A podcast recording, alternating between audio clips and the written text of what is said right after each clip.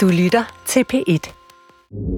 Velkommen til Troldspejlets podcast udgave 9. episode i 2023. Der er nyt fra Superheltefronten, computerspil og film, bygget over spil, og en episk fantasy-tegneserie, for slet ikke at tale om et jubilæum for en i visse kredse meget kontroversiel tv-serie.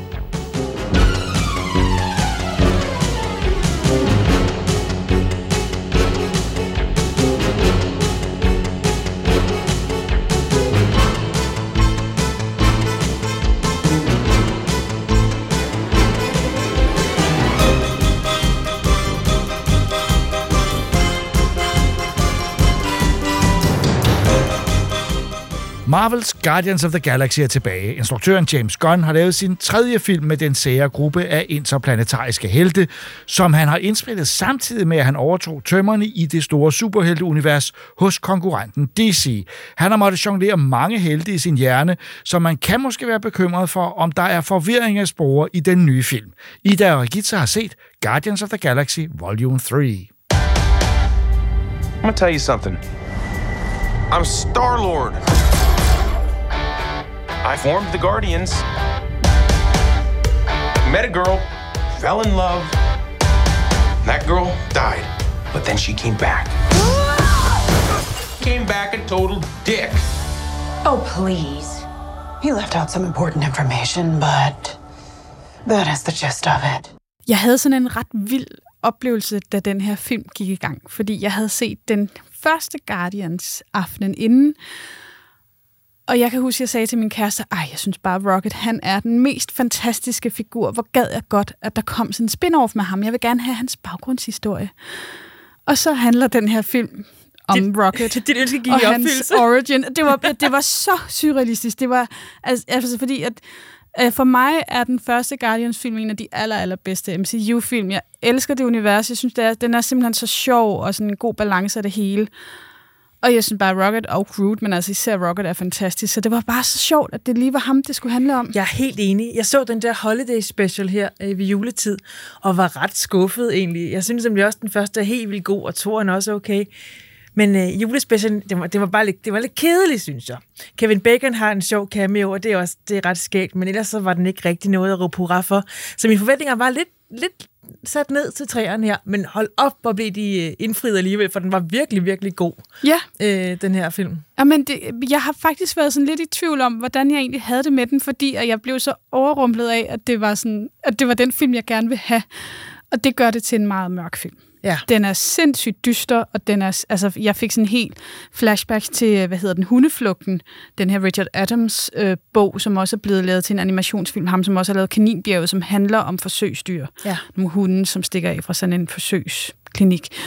Og, og Rocket, det kommer ikke bag på nogen, at han er et forsøgsdyr, men altså hele den her grumme baggrundshistorie, den er, sådan, det, den er sindssygt mørk, den her film. Det er den virkelig. Rocket er jo stort set bevidstløs i størstedelen af den her film, men han er alligevel meget med, fordi der er så mange flashbacks til hans øh, baggrund, hvor man nemlig ser, at han er, er i et bur, og han er blevet opereret på og forsøgt med, og, og det er simpelthen nogle af de mest rørende scener, de her, hvor han interagerer med sine andre forsøgsdyrs venner. Ja. Der er blandt andet en odder med nogle robotarme og en kanin med, med sådan nogle æderkoppeben. Det er næsten ligesom de der øh, svensk øh, dyr øh, legetøjsting fra ja. Toy Story. altså sådan nogle sammensætninger af ting. Der er også en valros med hjul på og sådan noget. Men de, her, de har simpelthen et venskab, selvom de er inde i det her bur, hvor de ikke kan se himlen, og det drømmer de om. Og det er bare super rørende. Ej, men jeg græd faktisk flere gange under den her film, og det igen, det var også bare sådan, at det er bare mig, der er sådan underlig humør, og, sådan, øhm, og blev rørt af det her, også fordi, at det, det, det føltes som en meget afsluttet historie, eller sådan ligesom, det var den der Guardians-trilogi, og så kan det jo godt være, at de dukker op i MCU på en eller anden måde, og sådan noget, at vi kommer til at, at se dem drøbvis, men det, var, det føltes sådan, sådan, som et afsluttende kapitel, og der var bare sådan ret mange vemodige ting, og sådan, men selvfølgelig er der den der Guardians humor, og der er selvfølgelig også masser af fed musik. Men, men altså, det, det handler jo sådan set om, at, at der er den her, den nye skurk hedder The High Evolutionary, og han er ret vemmelig. Ja. Øhm, og sådan totalt, altså skingrende vanvittig øh, og manisk. Men han øh, vil have fat i Rocket, som er jo lykkes med at sl- øh, slippe afsted fra hans altså, øh, forsøgsstation. Øh, men han vil have fat i ham, fordi Rocket er genial. Altså, Ja. han vil have hans hjerne. Han er nemlig selvtænkende, jeg kan finde på nye idéer, og ham her High Evolutionary, han har lavet så mange forskellige badges med forsøg på at skabe det perfekte individ, som kan befolke universet, er det vel nærmest. Ja, han laver Øh. først den her Counter-Earth. Ja.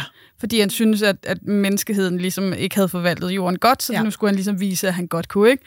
Totalt Ja, altså han laver forsøg, hvor han øh, bruger forskellige dyr og får dem... De besøger den her mærkelige jord, ja, hvor det er jo egentlig mennesker, men de er også dyr. De har sådan dyre træk med forskellige dyr i ansigtet. Det er, det, det, det er en ret vild scene, og de besøger, de kan jo ikke snakke med folkene, men de får alligevel kommunikeret med dem og sådan noget. Jeg, kunne- jeg var ret vild med den scene, der foregik ja. Ja. på den der anden jord. Ja. Øh, men, men altså, øh, ham her, High Evolutionary, han sender en Sovereign ud for at fange øh, Rocket, med det resultat, at Rocket bliver såret, og så fordi de prøver at give ham sådan en medipack på, så finder de ud af, at han faktisk har sådan en form for failsafe, så der er ikke nogen, der kan operere på ham. Øh, der, kan ikke no- der er ikke nogen, der kan redde ham, fordi så går der simpelthen sådan en form for altså self-destruct nærmest i gang. Det finder de sådan ligesom ud i sidste øjeblik, og så ligger han i koma, og så er det så, de skal ud og finde, hvordan vi, de skal bruge et eller andet øh, sådan, De kan bruge en kode. en kode, ja. som sidder på en eller anden chip inde i ham, og hvor finder vi den kode? Det gør de på den øh, øh, organiske planet, ting, som hedder Orgocore, som er sådan et organisk arkiv, vel i virkeligheden. Som er en planet, som er, er sådan øh, hud og, og tæ- vækster og sådan noget. Og det, det er fuldstændig flippet, det univers, altså, som vi er på. Det er, sådan, det er ulækkert, fordi der er så mange væsker, og det er sådan lidt udk. Og, men samtidig er det sådan helt udflippet æstetik, som jeg er ret vild med. Og så har Nathan Fillion altså en birolle her, ja. som vagt. Og det er bare sådan, altså Nathan Fillion er jo bare fantastisk. Han passer virkelig godt ind i det her humoristiske univers, øh, og er bare meget Nathan Fillionsk. Så det, det var bare sådan, altså det var bare ren nydelse fra, fra start til slut at være på det her Orko-kors, selvom det var så vemmeligt et sted. Ja. Øhm, ja, men altså, Og det er jo lige præcis det, Peter har brug for, fordi han, øh, han græder jo over tabet af Gamora, som jo ikke er død. Hun døde jo, men kom tilbage i en fortidsversion fra 2014 i Endgame. Så hun, øh, hun kender ikke Peter og de andre Guardians mere. Hun har ikke nogen, øh, hun har, hun har ikke noget forhold til dem, og hun gider dem ikke rigtigt. Mm. Så han har bare, han drikker så meget, øh, drikker sig fuld hver dag, og han er sådan rigtig ynkelig. ja. Men da så Rocket bliver såret, så bliver han ligesom hævet op af det her, og får en mission, og får, får noget at tage sig til. Og. Ja. det er det, han har brug for, for at komme videre. Og det er jo hele tiden en, en film om venskab, og om om at være en familie. For de er jo en familie, de her Guardians, selvom de jo alle sammen er vildt forskellige. Ja, Jeg synes også, det der portrættering af Mantis og Drax's venskab er også rigtig fin. Der er rigtig mange gode figurer med, og de er alle sammen virkelig, de har så meget hjerte i den her film og kærlighed. Ja, nu har jeg helt glemt, hvad det er, Gamoras søster hedder. Øh, men hun er Nebula. Også, Nebula er jo også blevet en del af, af Guardians, og hendes udvikling er altså også virkelig fed. Ja. Og, og hendes, altså fordi hun er, hun er jo bare en total Altså, hun er så hård, og det er jo ikke noget at sige til med den opvækst, hun har haft, altså hvor meget hun er blevet tortureret af Thanos, og, og den her konflikt, hun jo også har haft med Gamora, som jo bare har gjort hende sådan rimelig kølig og sådan brutal. Men det var altså også rigtig fint at opleve hendes nye rolle, og hvor omsorgsfuld hun egentlig er på sin meget kantede måde. Ja. Øhm, og Groot er jo også blevet sådan, altså sådan, det er sjovt, fordi han er jo ved at blive sådan rigtig voksen. Vi så ham som teenager. Øhm, hvor, var det? Jamen, det har været en af de her MCU-film. Det har ikke været selve Guardians, for i toren, der er han lille bitte øh, baby Groot og totalt nuttet. Øh, men vi har set ham som irriterende teenager i øh, Endgame eller Infinity War eller sådan noget. Øhm, og nu er han jo så blevet sådan voksen, men han ligner ikke rigtig sig selv fra den første. Jeg ved ikke, om han, om han måske bare har sådan, han er blevet sådan lidt mere pumpet. Så han måske sådan, altså, at han, han er vokset til og blevet sådan lidt mere robust, end han var i den første. Ja, jeg ved ikke, men det er bare, altså, det, ja, det er vildt sjovt, og jeg synes, at det er, det, det, det, altså, jeg synes, James Gunns take på det her univers er vildt fedt. Ja. Og det er jo også bare sådan, jeg, jeg læste noget om, at han jo bare har elsket Guardians of the Galaxy og virkelig gerne vil lave det her lidt gakkede univers, og at sådan en figur som Rocket, som jo netop er min favorit i, det her, i de her film, tror, jeg, jeg læste, at han vist kun havde været med i 10 sådan album, øhm, altså Marvel-album, at han bare havde været sådan en birolle-ting, men, men at James Gunn ligesom bare havde set ham og syntes, at der var altså potentiale der, og det må man da virkelig give ham ret i. Ja. Så øhm, altså for mig er det en, ja, faktisk en kæmpe anbefaling. Jeg synes virkelig, sige. den var sjov og, Og- rørende. Og en fed skurk. Jeg synes tit, det afhænger af, om skurken er, er god i sådan nogle film her. Ikke? Og jeg synes faktisk, at uh, Sruti Ivuji gør det rigtig, rigtig godt som den her high, high ev- evolutionary. Uh, og så er der Warlock også, en ny uh, skurk, der også kommer. Ja, øh, den her, oh, ja, øh, vi har ligesom set hans æt, og det viser sig jo, at de også er udviklet af High Evolutionary. Ja. Som et Øh, æstetisk projekt, ja. siger han endda. Så det var ikke meningen, de skulle kunne noget, de skulle bare være smukke. Ja. Men altså, Adam Warlock, han er virkelig, virkelig sjov. Øhm, og, men også meget, meget magtfuld. og Jeg synes, der er god, der er god action, og, sådan, og der er mange sådan, fede referencer. Uh, Guardians har ligesom lavet et, et, et headquarters på det her Nowhere, som var det der... Øh, øh, deity, ja, sådan hoved af en guddom, som svæver rundt ude i Ja. universet, der hvor de miner ting, man ser i etteren. Øhm, og der er også mange af de væsener, som ham der samleren havde, som jo blev sprunget i luften i etteren, som, som på en eller anden måde har en, en rolle. Altså Cosmo er sådan en øh, Leica-agtig øh, rumhund, og øh, vi ser også Howard the Duck igen, og sådan at Der er mange små, gode ægge, øh, sådan easter eggs rundt omkring, og sådan noget. Det, jamen, jeg, jeg synes bare, det er, det er vildt underholdende. Det er også vildt rart, at der sådan kommer en god MCU-film, fordi at, altså, jeg bliver også mættet af Marvel-film, og jeg kan dårligt huske, hvad der sker i, i dem. Og sådan, den her, jeg har også en følelse af, at jeg behøver ikke at have set alt. Nej. Hvis jeg bare har set de to andre Guardians-film, så er det egentlig okay. Helt sikkert. Så der er, sådan- jeg havde ikke set den der øh, Christmas special. Ej, det behøver det har ikke. Holiday Det special, og det har jeg ikke tænkt mig at gøre. øh, men det var, jeg følte mig i hvert fald ikke sat af af den grund. Nej, så gå i biografen og se den her. Just never noticed how black your eyes were. They were replaced by my father as a method of torture. He he picked a pretty set. Power Rangers er et univers, der er omgivet af kontroverser og mystik og ikke så få skandaler. Det har dog ikke forhindret Rangerne i at morfe afsted i serie efter serie. Og pludselig er vi så nået til deres 30-års jubilæum, som fejres på Netflix med en time lang special med undertitlen Once and Always. Og den har jeg og Christoffer set.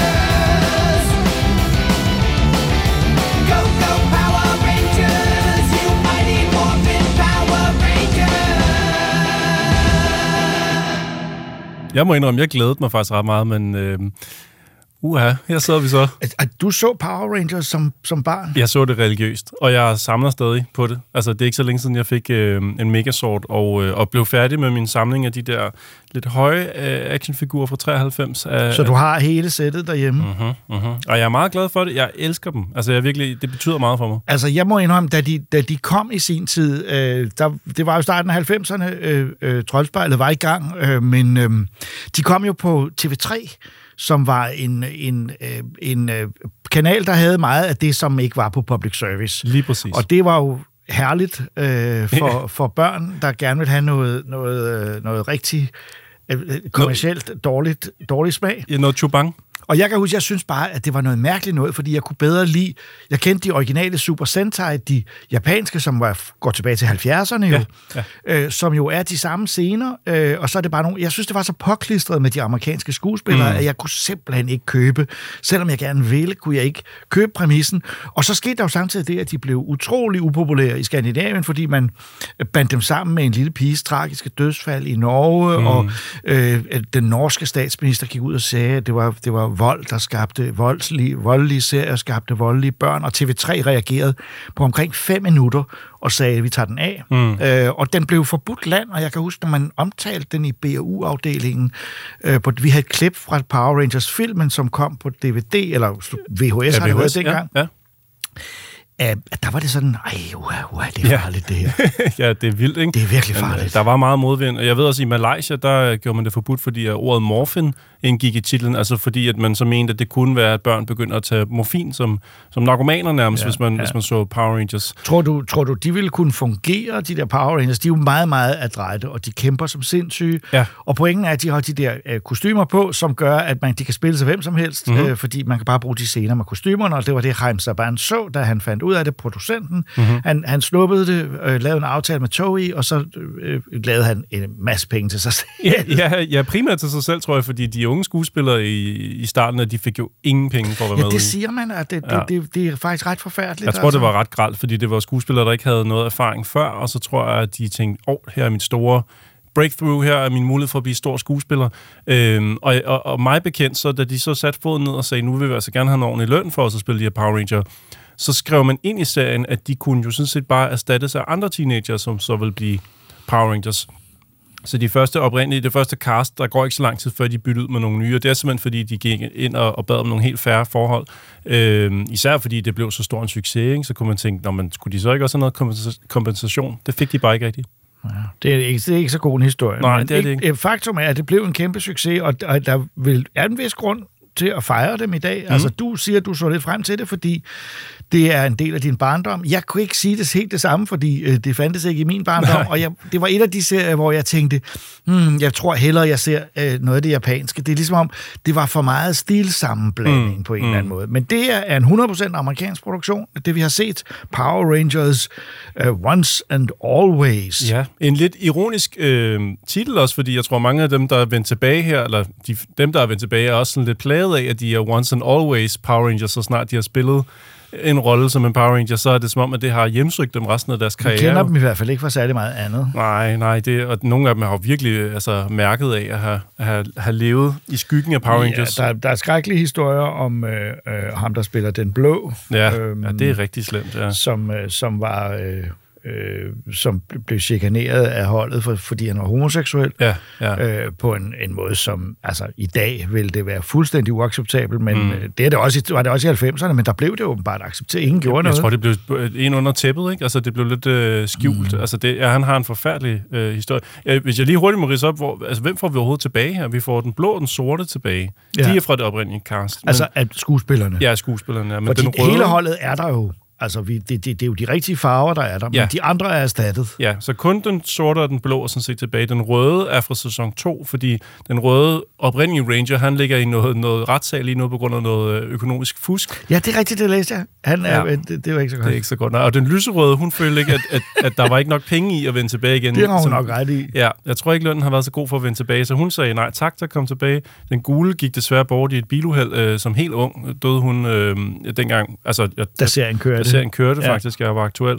Så, øhm, Og den så, grønne. Ja, den grønne, han, øh, han begik desværre selvmord her øh, for ikke så lang tid siden. Så det er altså en, en ret pla- en Tung plæget øh, historie. De produktion. spilles så af nye folk, mm. øh, og øh, det man kan sige er, at et, øh, sort og blå er jo så nogle gamle gutter. Ja, de er oppe i årene efterhånden, og det kan man godt lidt mærke sådan, uden Altså, være... det giver jo håb for mange af os, der måske håber en dag at få sådan en rolle. Selv Ja. jeg kunne måske blive Power Ranger. Ja, ja. De er i hvert fald ikke... Altså, det der var... Og det oplagte ved det dengang, det var jo, at det var tydeligt teenager nærmest, der spillede det, ja. Og, var, det var, og det var meningen, børn skulle tænke, det er mig, der er Power Ranger. Ja. Her er det så altså midaldrende mænd, øh, og jeg tænker så nu, ja, jeg kunne være en Power Ranger. Det- Der er ikke meget galt. Især ham, den røde fra sæson 2, som vender tilbage her. Han, øh, han, er, han er lidt bred over, øh, over sine kanter, og når han så morfer om til en, en rød ranger, så bliver han lige pludselig højere og meget slankere, og det, Ja. er jo, det er jo på et eller andet sted, et eller andet sted er det ret smukt, synes jeg. Det er, Ja. jo, det er jo underholdende. Men det korte og lange er, at den var en lille times tid, øh, denne her special, og vi kan vel kort og sige, at de møder endnu en gang en trussel. Det er meget traditionelt plot. Ja. Øh, det, er, det er den der... Øh, Heksen Rita. Øh, Rita Repulsa, Ja. øh, og, men som nu er en robot. Ja, ja, de har jo ikke kunne få det ansigt tilbage igen. Det giver jo mening, fordi at de oprindelige optagelser var jo primært fra Japan, fra en, fra en amerikansk, eller en, undskyld, japansk serie. Ja. Ja. Så de har jo ikke bare kunne gøre det en gang til. Men øh, nu er det så en robot. En Ja. ja. robot-Rita. Så der er en maske på. Og det er sådan set, og, og der er så en masse kampe, øh, og det er jo det, serien gik ud på. Mm. Øh, øh, det er voldsomme kampe, men der er selvfølgelig ikke noget blod eller noget, fordi det hele er sådan meget markeret balletagtigt i virkeligheden. Ja, Øh, og øh, øh, nogle gange i den gamle serie var det rigtig akrobatisk. Jeg synes, vi mangler den rigtig gode akrobatik her. Ja, det gør vi også. Men det er jo fordi, at det oprindelige, det bedste ved det gamle Power Rangers er jo de japanske dele af Det, det, det, gamle. Power Rangers. det, det var det, der var godt. Altså, Super Sentai var jo, gik jo i mange, mange år, før mm. Saban samlede det op og var en stor ting. Jeg har besøgt Toeis øh, forlystelsespark i, øh, i, øh, i Japan, og... Øh, øh, øh, de, øh, de har altså virkelig mange af de der Power... Vi, man ser dem og tænker, gud, sikkert en masse Power Rangers, Ja, ja. men det er Super Sentai-figurer. Ja, præcis. Øh, og der er mange af dem. Ja, der er virkelig mange. Det er jeg mere end det faktisk, her lille hold. jeg vil faktisk øh, slå et slag for, at hvis man, øh, hvis man mindes Power Rangers, men ikke rigtig orker at komme tilbage igen til, for det er lidt tungt at gå tilbage til, så synes jeg, man skal finde den oprindelige serie, den, den er bygget på. Ja, nu kan jeg ikke udtale det, men nu siger jeg det bare frit fra leveren. Kyo Sentai Surenja. Det siger de i starten. Og, og den, det er faktisk en oprigt, altså, oprigtigt en god serie, synes jeg. Den Ja. er virkelig farverig, og den har en helt, et helt andet plot, og den er, der er gang i den. Øhm, den. Den er fed. Den synes jeg, man skal prøve at finde. Jamen, øh, det er held og lykke med det. Ja. Øh, det er jo udgivet øh, på forskellige former for DVD, men tit lidt svært at få fat i Ja, herhjemme. Men lad os lige få sagt om filmen her. Den time, man kan se på Netflix, hvor der jo også er nogle andre øh, Power Rangers-serier, øh, fordi det er der, øh, de bor nu, Mhm. mm-hmm. øh, at øh, det er jo ikke særlig godt. Nej, desværre. Det, er, altså, det var virkelig en rutsjebanetur for mig. Ja, fordi jeg det ville så gerne... Altså, du ved, ja. der var, når farverne kom, og der var, uh, her de hoppede rundt, og så man tænkte, ah, der har vi dem. Og så, åh, så skuespillet mellem de scener er godt nok ikke godt, og, og, og farverne. Det virker som en tv-produktion fra 90'erne. Det, altså. det gør det nemlig, og der er noget computergrafik med, som er ganske ubegribeligt dårligt. Mhm. Mm-hmm. Altså det er næsten sådan, man tænker, har de med vilje vil lave et retro-look? Øh, Der er nogle bygninger, der er computerskabte, eller CGI midt i det hele, mm. som simpelthen er plantet så dårligt i landskabet, at, ja. At jeg tror faktisk, jeg vil kunne gøre det bedre. Det er ikke meget galt. Og så synes jeg også, det er synd, at når, når Megazord skal slu- slås til sidst, så i gamle dage var det, eller før han var det jo øh, folk i kostymer. Der kunne man jo tage scener fra, altså, som var lavet i Japan, hvor folk var inde i nogle store, seje kostymer, Ja, og nu er de tydet til at bare gøre det i CGI. Dårlig CGI. Altså, meget, i- meget, meget, meget altså, dårlig. Ekstremt Det må dårlig. man sige. Virkelig dårligt. Øhm. Så, så man kan sige, for en gammel fan, der er blevet voksen nu, er det ikke så lidt af en... en altså, er det ikke en skuffelse? Det lugter lidt af det der med, du skal ikke møde din helte. Forstår du, hvad jeg mener? Altså, Ja. lad det være men, men, i... men øh, den gamle serie har vel stadigvæk sin sådan uskyldighed, plus at skuespillerne, der er noget bare noget forkert ved, og det er jo ikke fordi, vi skal øh, slå på folk, der er ældre, øh, og jeg er selv blevet en ældre herre efterhånden, og laver stadigvæk det samme, men, men det korte og lange er, at øh, de der to ældre morfing, det, det, ser lidt, det ser lidt sørgeligt ud. En lille smule, ja. Det, ja, ja, det er lidt, det er lidt, men det er også fordi, der hænger sådan et, et sørgeligt øh, tæppe over hele, altså hele baggrundshistorien, er ja. bare så, så trist på en Ja. eller anden måde. Jeg synes, der er- ja, det, øhm, det spiller ikke helt, Nej. desværre. Så alt i alt, uh, Mighty Morphin Power Rangers Once and Always. Uh, vi har snakket mere om hele fænomenet, fordi det kunne vi snakke længere om. Det er fascinerende. Den slags fænomener er fascinerende, især sammenhæng med legetøjet og med de japanske serier, og den, hele den proces, den serie har været igennem, Mhm. mm-hmm. ud, over skandalerne. Men vi må bare sige, at denne her uh, jubilæumspecials, den er ikke noget at råbe hurra for. Nej, man kan godt skippe den. Man, man misser ikke noget. Altså, der er nogle sjove intertekstuelle referencer for dem, der virkelig har nørdet det her i de sidste 30 år, men det er altså nærmest kogt ned til det er dem, der vil sætte pris på det, og de fleste andre kan bare springe over. Go, go, Power Rangers!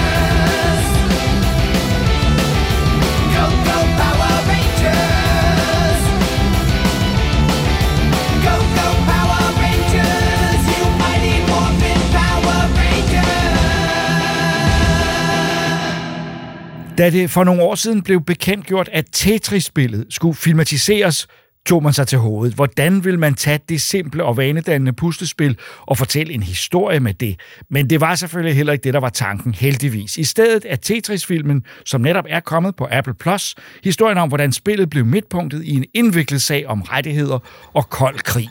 It was the most beautiful thing I'd ever seen. I played for five minutes. I still see falling blocks in my dreams. It's poetry, art, and math all working in magical synchronicity. It's. It's the perfect game. Tetris? Tetris. Tetris. Tetris. Tetris. I don't get it.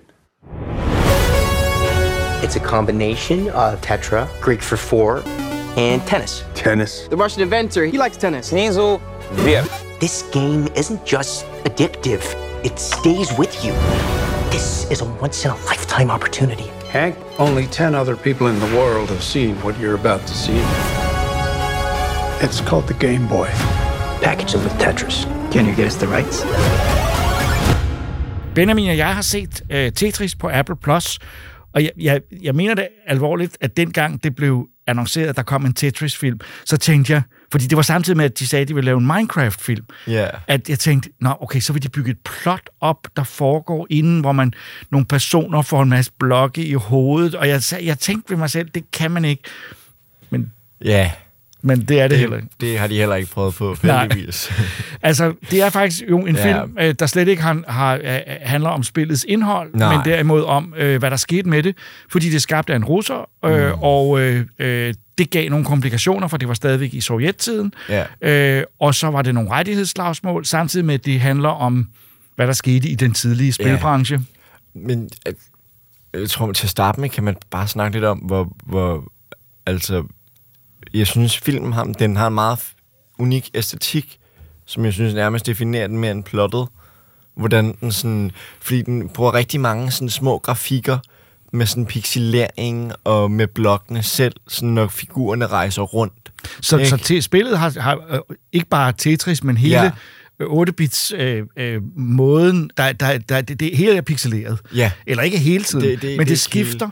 Øh, og især i starten mm. er der rigtig meget, og så også hen Ja. imod slutningen. Nå, nå, nå, det er rigtig ofte, specielt når de laver sådan nogle etablerende mm. skud. Ja. Når man skal se uden for ham her lejlighed, eller ved kontoret, eller Ja, så er det pludselig så får man pixeleret sådan noget pixeleret, og så kommer der sådan en fed effekt, hvor ej, så bliver det ægte. Og det er sådan lidt gimmicky og lidt taggy. Og jeg føler også mange af dem, at det sådan, så ser man et fly flyve, pixeleret fly flyve fra USA hen til Japan eller et eller andet, ikke? Ja. Og ofte var det sådan nogle små ting, der nærmest skaber en følelse af, at det var sådan lidt stiliseret dokumentar. Det er det ikke. Nej. Det er en dramatisering. Jamen var det ikke også et eller andet med, at de, mm. der, at de, de, de er tydeligvis lavet af folk, der egentlig mener det rigtig godt, og Ja. tænker, vi skal lave det, så det ligner det. Lidt mm. som i den film, der hed Pixels, som vi ikke skal tale for meget om, Øh, men som gjorde film? det samme.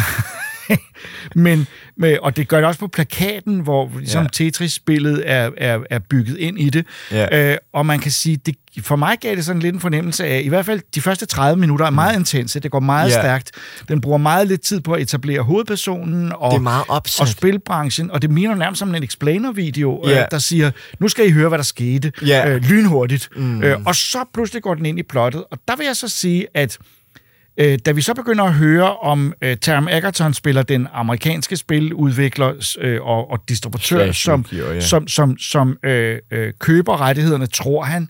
Ja. Øh, så er han op imod hele øh, Maxwell-familiens, Ja. øh, mediefamilien, fordi de Mm. synes også, de har købt det. Ja. Så er der alle mulige øh, Nå, nå, det slagsmål. er jo dem, han har købt det af. Ja, øh, og så de siger, at de har lavet en aftale, Ja. og aftalerne holder ikke, øh, fordi Sovjet øh, er slet ikke klar til at forhandle sådan nogle ting. Ja. Der, de har ikke et system til det, Og og, de er korrupte. Mm. Øh, plus, at der er involvering fra andre spilfirmaer, og så hvilken platform har de egentlig fået rettighederne til. Men vi kan jo godt spoile, at man... Altså, det er jo ikke en spoiler, at man i denne her film ser øh, den første Game Boy. Ja. Det synes jeg, vi skal sige, fordi det synes jeg faktisk var højdepunktet. Det, et, et af højdepunkterne. Ja. Nå, men jeg synes egentlig bare generelt, det der er så fedt ved den her film, det er øh, lige den der del lidt forbi halvdelen, kommer der en del, hvor at forhandlingerne for alvor rigtig går i Ja, gang. det er der, det bliver hvor, spændende. hvor de er i Rusland, Ja. og, og hovedfiguren er der ulovligt. Ja, som og, turist. Ja, og det er jo Sovjet, Ja. ja. Rusland her, Ja, ikke? ja. Så, så det er øhm, Ja. ja. meget, så der er KGB indover, og det er sådan vild, hvor øh, en af de der russer der løber rundt mellem forskellige mødelokaler og nærmest går bag andres rygge og taler. Ja, men det, om- det er et, og, og jeg tror, det er et ret godt billede af den Ja, periode. ja. Det er paranoia, øh, samtidig med, at det har hele det, den, den kontrasten til den kommercielle verden, hvor Maxwell og de andre, og Nintendo, Ja. og Nintendo Amerika, deres mm. kontor, og hvor, øh, øh, hvor øh, det rumsterer Atari, hvis der Ja. har købt rettighederne, og hvor de slår... Der synes jeg, man har en, mm. en, en fornemmelse af, hvordan den branche også har været total kaos på det Og, tidspunkt. og så bruger de alligevel Hink-figuren, hovedpersonen, ret godt til sådan ligesom at få det ned på et personligt plan. Ja, fordi han Stadig. bruger rigtig meget af sit liv Ja. og alle sine sparepenge, og hans hustru og, og datter, øh, Døtre. kan, døtre kan ikke rigtig følge med Nej. undervejs, fordi øh, det er, der han sætter alt på et bræt Ja. øh, for det her. Jeg, jeg har det sådan, at der, hvor filmen vil være en thriller, der fungerer den faktisk godt. Ja. Og der glemmer jeg alt det der øhm, øh, øh, gimmicky, som du kalder det, ja, af, nå, af, med nå, grafikken. Men det, det, det er egentlig ikke en kritik. Jeg synes, det er ret fedt, den gør det. Det er meget unikt. Også fordi jeg synes, der er mange af scenerne, rigtig ofte, som føles en lille smule opsatte. Mm. Øh, og det er igen heller ikke rigtig på en dårlig måde. Det, det, det er lidt en stilting, synes jeg. Så du får, synes, det fungerede med den stil? Ja, ja nej, men også fordi, at, at generelt set, øh, filmens belysning nu er slet ikke lysekspert, vel, men den er meget sådan... Tingene lyser meget, det er meget farvet rigtig meget af det, selv når man er i Sovjet, altså, hvor det mest er gråt. Ja, det er rigtigt. Det er meget kunstige farver på en det eller anden måde. Farverne popper virkelig meget i den Ja, her film. ja. Så, så det, det giver den lidt... Jeg ved ikke, om man vil kalde det stilistisk, men lidt... Eller jo, det er vel stilistisk. egentlig. Altså, jeg må indrømme, jeg, mig irriterede de mere, ja. end jeg var... Altså, jeg, i starten var jeg glad for det, Ja. fordi jeg troede, det var en småt, og det blev for meget. Men det, jeg egentlig er min største anke, det er netop starten på filmen, hvor jeg, Ja. jeg føler, at jeg kunne have fået meget mere spændende at vide om spilindustrien på det tidspunkt, Ja. øh, og de mennesker, det var. Og der springer den så hurtigt til, hey, der er Tetris, det er federe end alt det andet, nu skal Ja. vi i gang med det. Mm. Og, og jeg tænker, men, men det, var jo, altså, det var jo på det tidspunkt, hvor Atari øh, havde haft problemer, hvor øh, Ja, ja, der ja, var sket så ja, meget, jeg synes som generelt- man godt kunne ma- have ja, lyst til at mærke. Nå, men jeg synes generelt også bare i starten af den... Stærkt. Så, så, nå, jeg ved ikke engang, om det er, fordi det går for stærkt. Eller jo, det synes jeg også. Men, men, men jeg synes også i starten, at meget... Øhm, ja, jeg synes ikke, dialogen er specielt god. Nej, der. den er lidt kunstig på en Ja, eller anden måde. Det er ja, ligesom om, nu skal vi have sagt mm. alle de her ting, og hvis ikke vi får sagt det, Ja, ja. så, for, så, så er det ikke korrekt. Og, og så får den sådan det der opsatte, og det får det bare til at føle sådan... Jeg kan huske, jeg sad i en af de første scener og tænkte, hvordan er de kommet hertil? Lige nu sidder, sidder de ned, og de taler med hinanden. Hvordan er de kommet ind i det her rum? Hvad er der sket før Det var du simpelthen scene, i tvivl om, ja. Det kan jeg godt for, følge jeg, jeg, jeg, jeg, jeg kunne mærke, nå, her har vi to skuespillere, der har fået at vide, at de skal sidde over for hinanden og have den her dialog her, ikke? ja. øh, og det var ikke, fordi Det er jo skuespillerne sådan gjorde... tit sådan, det foregår. Jo, jo, jo men, men, men ideen er jo, at de skal snyde os til at tro, at det er noget andet. Ah, og, ja, det er og, og, det var ikke, Ja, fordi jeg det gør synes, skuespillet var dårligt. Nej. Det, det er det ikke. Det er Nej, nej, fint. Egerton er virkelig, Ja, ja, ja. ja. virkelig god, og øh, det er alle de andre også. Altså. Ja, ja. Så alt i alt kan man sige, at Tetris-filmen øh, lukker op for et kapitel, øh, øh, og for en, en dramatisering af noget spilhistorie, Ja. som jeg synes er spændende, samtidig med, at den giver at det er et stykke spilhistorie, der samtidig afdækker lige slutningen af den kolde krig, øh, Ja. øh, og slutningen af der, hvor alting ændrede sig mm. for Sovjet. Det er simpelthen Sovjets fald, vi ser beskrevet Ja. i et, sådan et hjørne af, hvad der skete. Ja, ja, sådan lidt sådan et mikrokosme. Ja, netop. Og så er det jo et vigtigt år, 1989, mm. fordi det var også det år, hvor 12-spejlet startede. ja. Og det, det, det Der er en nævnes, klar forbindelse. det nævnes faktisk ikke i filmen. Og der, der, der vil jeg sige, Det var meget skuffende. ja, fordi har de slet ikke fulgt med? Nej, det har de ikke. Men øh, øh, uanset det, vil jeg så alligevel sige, at jeg vil anbefale øh, til til alle, der er interesseret i spil, at Tetris er en film, man lige skal have set med de forbehold, ja. der er. Skal man have spillet Tetris inden? Ja, man skal forstå, hvordan det fungerer. Det, det, er, jo meget, det er jo et indviklet spil, Ja. som man skal forstå. Og, og det er jo også lidt en niche. Ja, man kan sige, jeg synes, det er spændende, at vi får debatten, hvor Nintendo Ja. skal overbevise, finde ud af, om det skal være, øh, om det skal være Mario eller Tetris, der er øh, det spil, man får med Gameboyen. Ja. Det synes jeg er en vildt sjov diskussion. Mm. Øh, og Tetris-spillet giver jo sig selv, og alle kender det, øh, øh, og det, det, det behøver ikke nogen forklaring. Men jeg vil sige, der er også et, et, et meget øh, øh, smukt... Øh, jeg synes, synes, det er interessant at opleve, hvordan forskellen på en en spilskaber på et russisk øh, øh, udviklingsstudie, som ikke har nogen kommercielle tanker med noget som helst, hvordan han og arbejder med spillet, øh, Ja. og hvordan han egentlig er, virker sådan en lille smule ligeglad Jamen, det er undervejs. sådan en lille pet project. Ja, det var, ikke, det var ikke mere... Jamen, er der nogen, der ser penge i det? Jamen, hvad så, altså? Ja. Men øh, en, en, jeg har læst, at, at øh, øh, mange af de ting, der foregår, er ikke i overensstemmelse med virkeligheden. Den Nej. er stærkt dramatiseret, men at dem, de oprindelige skabere, det kan man også godt mærke, der er- øh, Pajitnov har sagt, at det Ja. er ok. Ja. Det er sådan, stemningen var. Mm. Jamen, det er også... Det er en, jeg, vil, jeg vil anbefale den. Ja. Jeg synes, det er en fin film. Jeg vil også anbefale den blandt andet, fordi den giver et godt billede af, mm. af familien Maxwell og Ja. hans søn, øh, som er et, et totale Ja. røvhuller og forfærdelige mennesker, mm. som, øh, øh, fordi vi samtidig får historien om, hvordan Maxwell i denne her fase af sin karriere var ved at blive afsløret i at have snydt øh, og have stjålet alle sine ansattes i BT-koncernens pensionspenge. Ja. Så der, altså, der er virkelig mange historiske aspekter i det Ja. her, som er, er virkelig øh, Men- og men- spændende. Men, men også meget overdrevet egentlig. Ja, meget, meget, jeg kunne godt meget lide den. karikeret. Jeg synes, den snubler lidt nogle gange, men øh, specielt i starten. Men, men jeg synes generelt, at det er en meget underholdende oplevelse. Og Det synes jeg også. Og spændende. Op, om giver et perspektiv. Øh, Vi kendte godt historien om Tetris, de fleste af os, men øh, vi vidste ikke øh, alle de detaljer, den har med. Og jeg vidste sådan set heller ikke, at der har været en gigantisk biljagt i Moskva, men det skal Nej. vi ikke spoile nu her. Øh, øh, øh, og det ved jeg heller ikke, om der har været. Det tror jeg ikke. Nej, okay. Så noget, I hvert fald ikke i den noget af fiktion. Tetris-filmen på Apple Plus, instrueret af John Baird med Taron Egerton i hovedrollen. En af producerne er Matthew Vaughn, den store spilskaber. Øh, og øh, som sagt, portræt af et spil, øh, men i, i høj grad også portræt af alt det, der foregik omkring spillets øh, forsøg på at, at komme ud i, i verden. Ja.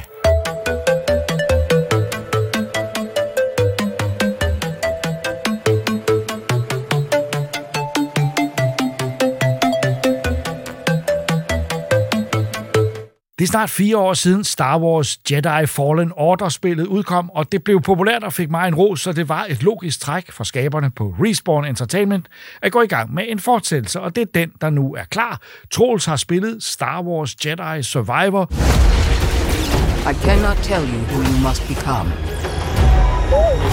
or where the line is drawn. There are no easy choices. These are dark times. We have few allies. Good to see you again. og der skal jeg jo så vide, at det er et helt nyt spil, eller er det bare mere af det samme? Det er et helt nyt spil med mere af det samme. Og det var et meget klart svar, du der gav mig. Men øh, altså, jeg noterede mig jo ved det første, at det så sindssygt flot ud. Altså, det var virkelig gennemført, og at det nye har jeg set traileren, og kan også konstatere, at der er lejet en del med øh, lysstræerne. Ja. Øh, der, der, der er virkelig øh, gang i den. Øh, der er mange forskellige, og... Øh, øh, ja, Det var der også i det første. Det Ja. fede ved, ved, ved, når man fik et lysvær det første, et, et ordentligt lysvær det første, det er, at man kunne gå ind og customize dem, så du kan selv vælge, hvilken farve du vil have, eller hvordan øh, selve hilden skulle se ud, og alt muligt. Det var mega fedt. Når man, det er jo vigtigt. når man godt kan lide Star Wars og lysvær som jeg, så var det faktisk ret vigtigt. Ja. Fordi var man lige i lilla humør, grønt humør, blåt humør, man var aldrig i rødt humør, fordi vi ved godt, røde lysvær, Ja, det, det går hører det Sith går til. Men, men spillet selv er jo øh, er, det samme. Bare, bare, der er bare større, det er lidt større verdener, der er mere at se på, Ja, og- øh, og- og, og de, de er mere spændende at udforske. Og et større moveset også. Du ja. har altså forskellige stances her. Du har fire forskellige stances, så du har et, hvor du har almindelig med, bare med et lysvær. Så har du et, hvor du kan knække dit lysvær i to, så du har et i hvert hånd. Så er der et, hvor du laver Darth Maul-style, sætter dem sammen, så du har ligesom sådan en, en pind, lysværspind. Og så har du, undskyld, der er fem, ja, fordi så har du også øh, en, øh, øh, hvad hedder han, øh, Kylo Ren-style, du ved, Ah, med de der ja, ude, så fed. slår virkelig Ja, hårdt. ja. Og så den sidste, der har du øh, lysværet i den ene hånd, og så har du sgu også fået en blaster i den anden.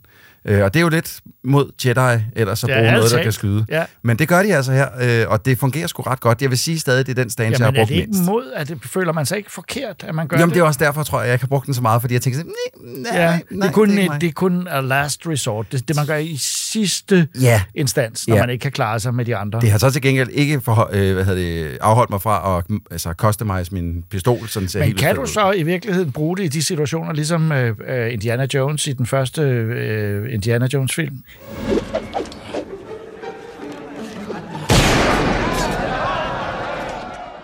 Altså, hvor han øh, Ja. skyder i stedet for at gå ind i en, i en sværkamp. Lidt ja, fordi at den... Øh, Det er, i- det er jo virkelig unfair. Så. Du ved, mod mere sådan, altså små fjender, som bare almindelige stormtroopers og sådan noget, der kan du bare skyde med en enkelt gang, og så drætter de om. Det er Det gør meget de fedt jo. nogle De gange. er meget sårbare. Men jeg vil så sige, når du kommer længere og lige, ligesom får upgradet dit moveset, så du bliver rigtig vild, så, så er det federe at rende igennem den og bare og nakke den med, øh, med lysværet. Men du sagde, et af dem kan man knække over, så det bliver til to. Ja, så, og det er rigtig godt til crowd control, du ved, når ja. der kommer rigtig mange, så kan man... Altså, det, og det er sådan, jeg siger... Ja, og der så jeg faktisk en trailer, en sådan gag-trailer, Ja. hvor Mark Hamill instruerer hovedpersonen. Øh, i, Cal Kestis. Ja, øh, og i at spille det her, og, og hvor han, faktisk Mark Hamill bliver meget sur, fordi han aldrig fik to lysvær. Hold it. You get two lightsabers? Well, technically one, but I can split them. You never gave me two lightsabers. Nej, det er også tavligt, ikke? Fordi det er der faktisk mange andre, der har fået, tænker man. øh, Så, og han har bare aldrig ligesom fået lov til at have det, to det, det, det er lidt bittert. Han vandrer faktisk af sættet. Ja, men lad mig lige fortælle dig lidt om, hvad fanden det går ud på. Nå ja. her, Fordi det, altså, historien i det første var jo, at vi har ham her, Cal Kestis, som egentlig er, øh, han har øh, kraften, og øh, øh, ikke He-Man. Han kan bruge kraften, og, øh, og øh, han gemmer sig for imperiet, som øh, altså, er over det hele.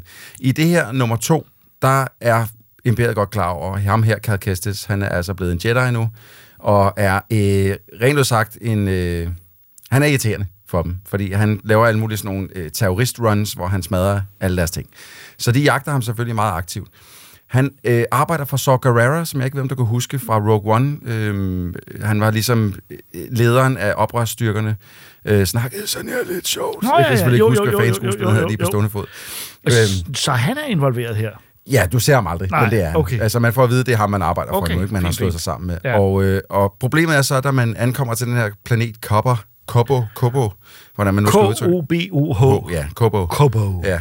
At der, øh, det første, man gør, og det, der kan jeg godt sådan tænke lidt, ham Cal Kestis, han er måske lidt for meget hothead. Det første, man gør, det er at rende ind i en ordentlig øh, race, der hedder Jedi, som hed, og, og han hedder Ravis. Kæmpe øh, øh, mercenary øh, soldat, som ikke kan dræbes nærmest, og det første, man gør, det er at blive uvenner med ham.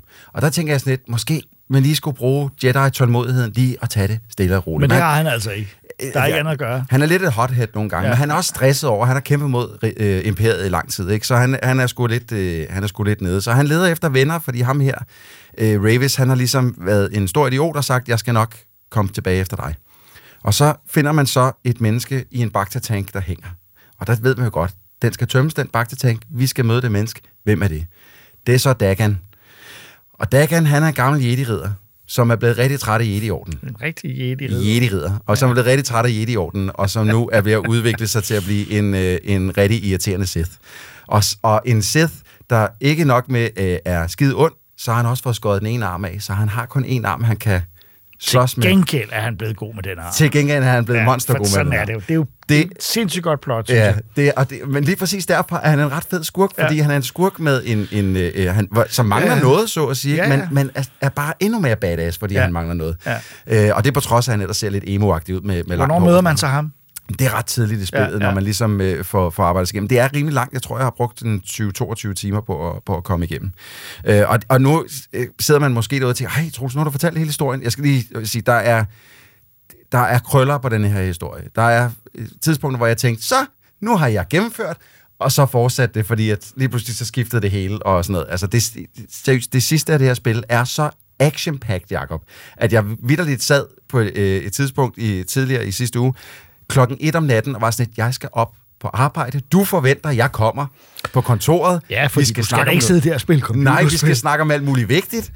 Øh, klokken et om natten. Jeg kan ikke stoppe nu. Det er simpelthen for spændende. Der er øh, AT-AT'er, der kommer gående imod mig. Jeg skal til at kæmpe dem ned med, med kraften.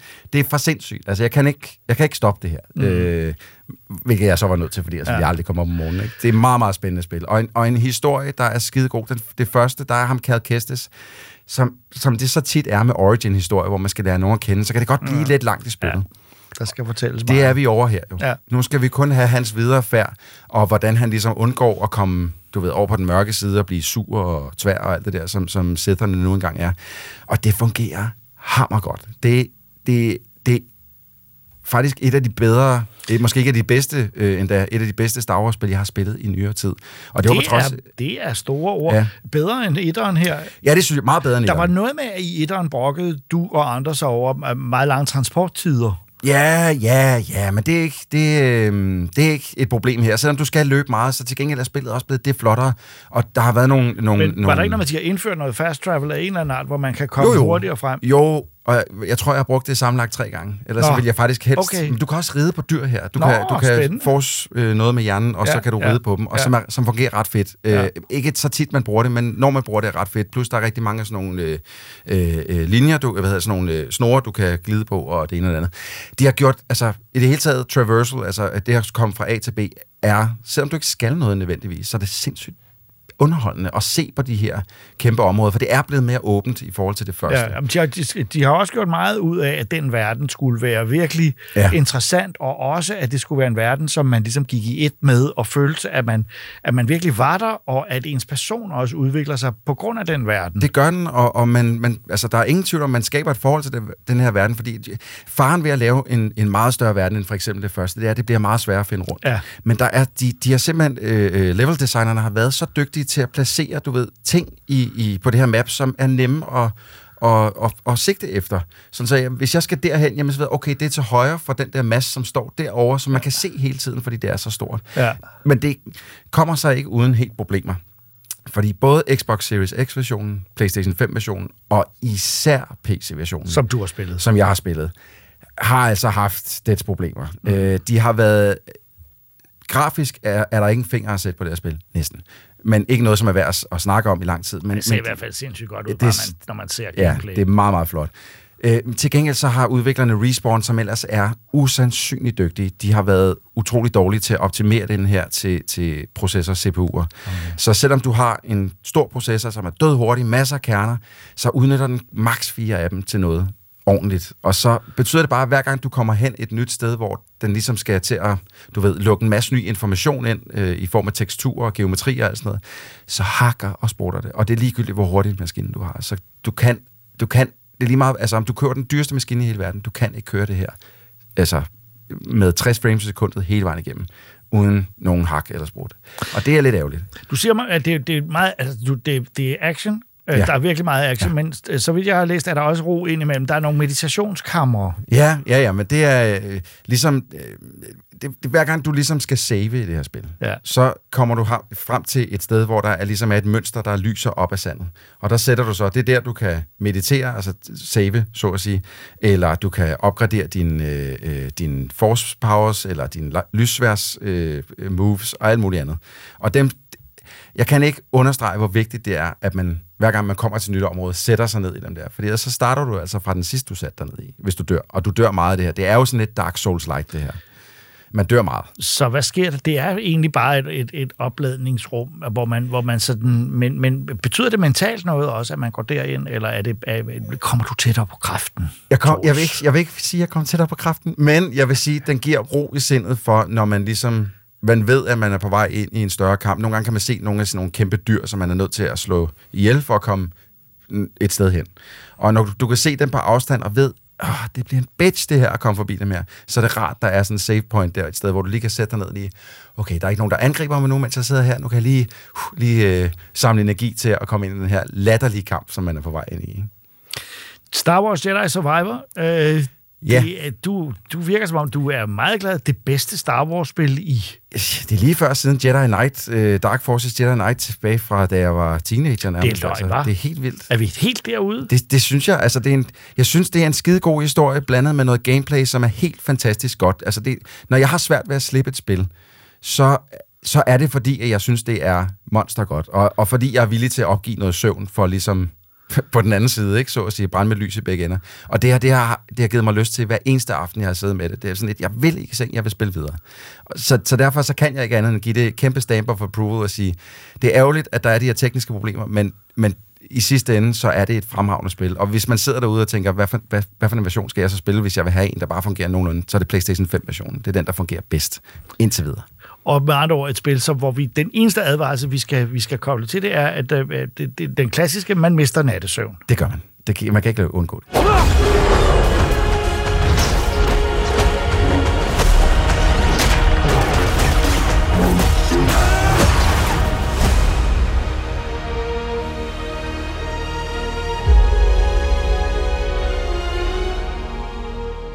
Den engelske sci-fi og fantasyforfatter Michael Moorcock er en af de mest indflydelsesrige i denne genres udvikling siden 1960'erne. Hans mest kendte figur er Elric of Melniborn, som dukkede op i en novelle i 1961 og som siden har optrådt i en række af Moorcocks romaner. Moorcocks stil er mere brutal og mere blodig end Tolkiens for eksempel, og han ses så mange som en slags forløber for George Martins bøger og for hele Game of Thrones-universet. Kun meget lidt af Moorcocks imponerende forfatterskab har været oversat til dansk, men mange af hans figurer har optrådt i tegneserier, både amerikanske og europæiske, og nu kommer så en tegneserieudgave af hans bøger om Elric.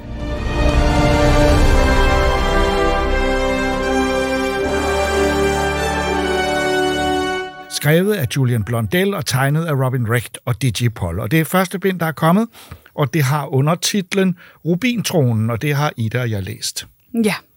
Og nu og, ser du det her med Game of Thrones, at Rubin-tronen, det er jo lidt ligesom den der trone, der er i det, Game of Thrones. Det er meget, der er virkelig ja, mange altså, paralleller. Forsiden er simpelthen, øh, hvor, hvor held, om jeg så må sige, Elric, øh, der sidder der på ja. Rubin-tronen, når man tænker, høj, det har jeg set før. Ja. Øh, og det er jo så nok fordi denne her tegneserie er lavet efter Game of Thrones, øh, men historien er skrevet før, så der er altså et sammenfald, men nok også en vis påvirkning fra tv-serien i tegningerne. Det ved jeg ikke.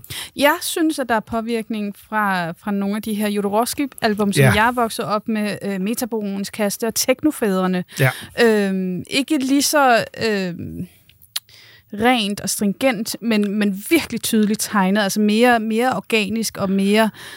Åh, den er bare brutal, den her stribe. Altså de her streger. Det, det, den er så blodig og så voldsom, at det, det lige før, det bliver for meget. Men samtidig var jeg også ret fascineret. Men den er jo også episk. Altså, der er nogle, op, der nogle af siderne, der sker ret meget. Øh, det er første album, og, og der er tryk på fra starten øh, i det her univers, men det er omvendt også tydeligvis et første bind. Øh, der kommer flere, det er forlaget Evok, der har udgivet det, og jeg så på deres udgivelsesliste, at bind 2 allerede er i forberedelse. Men for eksempel er der altså, der er nogle scenerier, som bare er så flotte. Øh, der er nogle, nogle baggrunde, nogle omgivelser.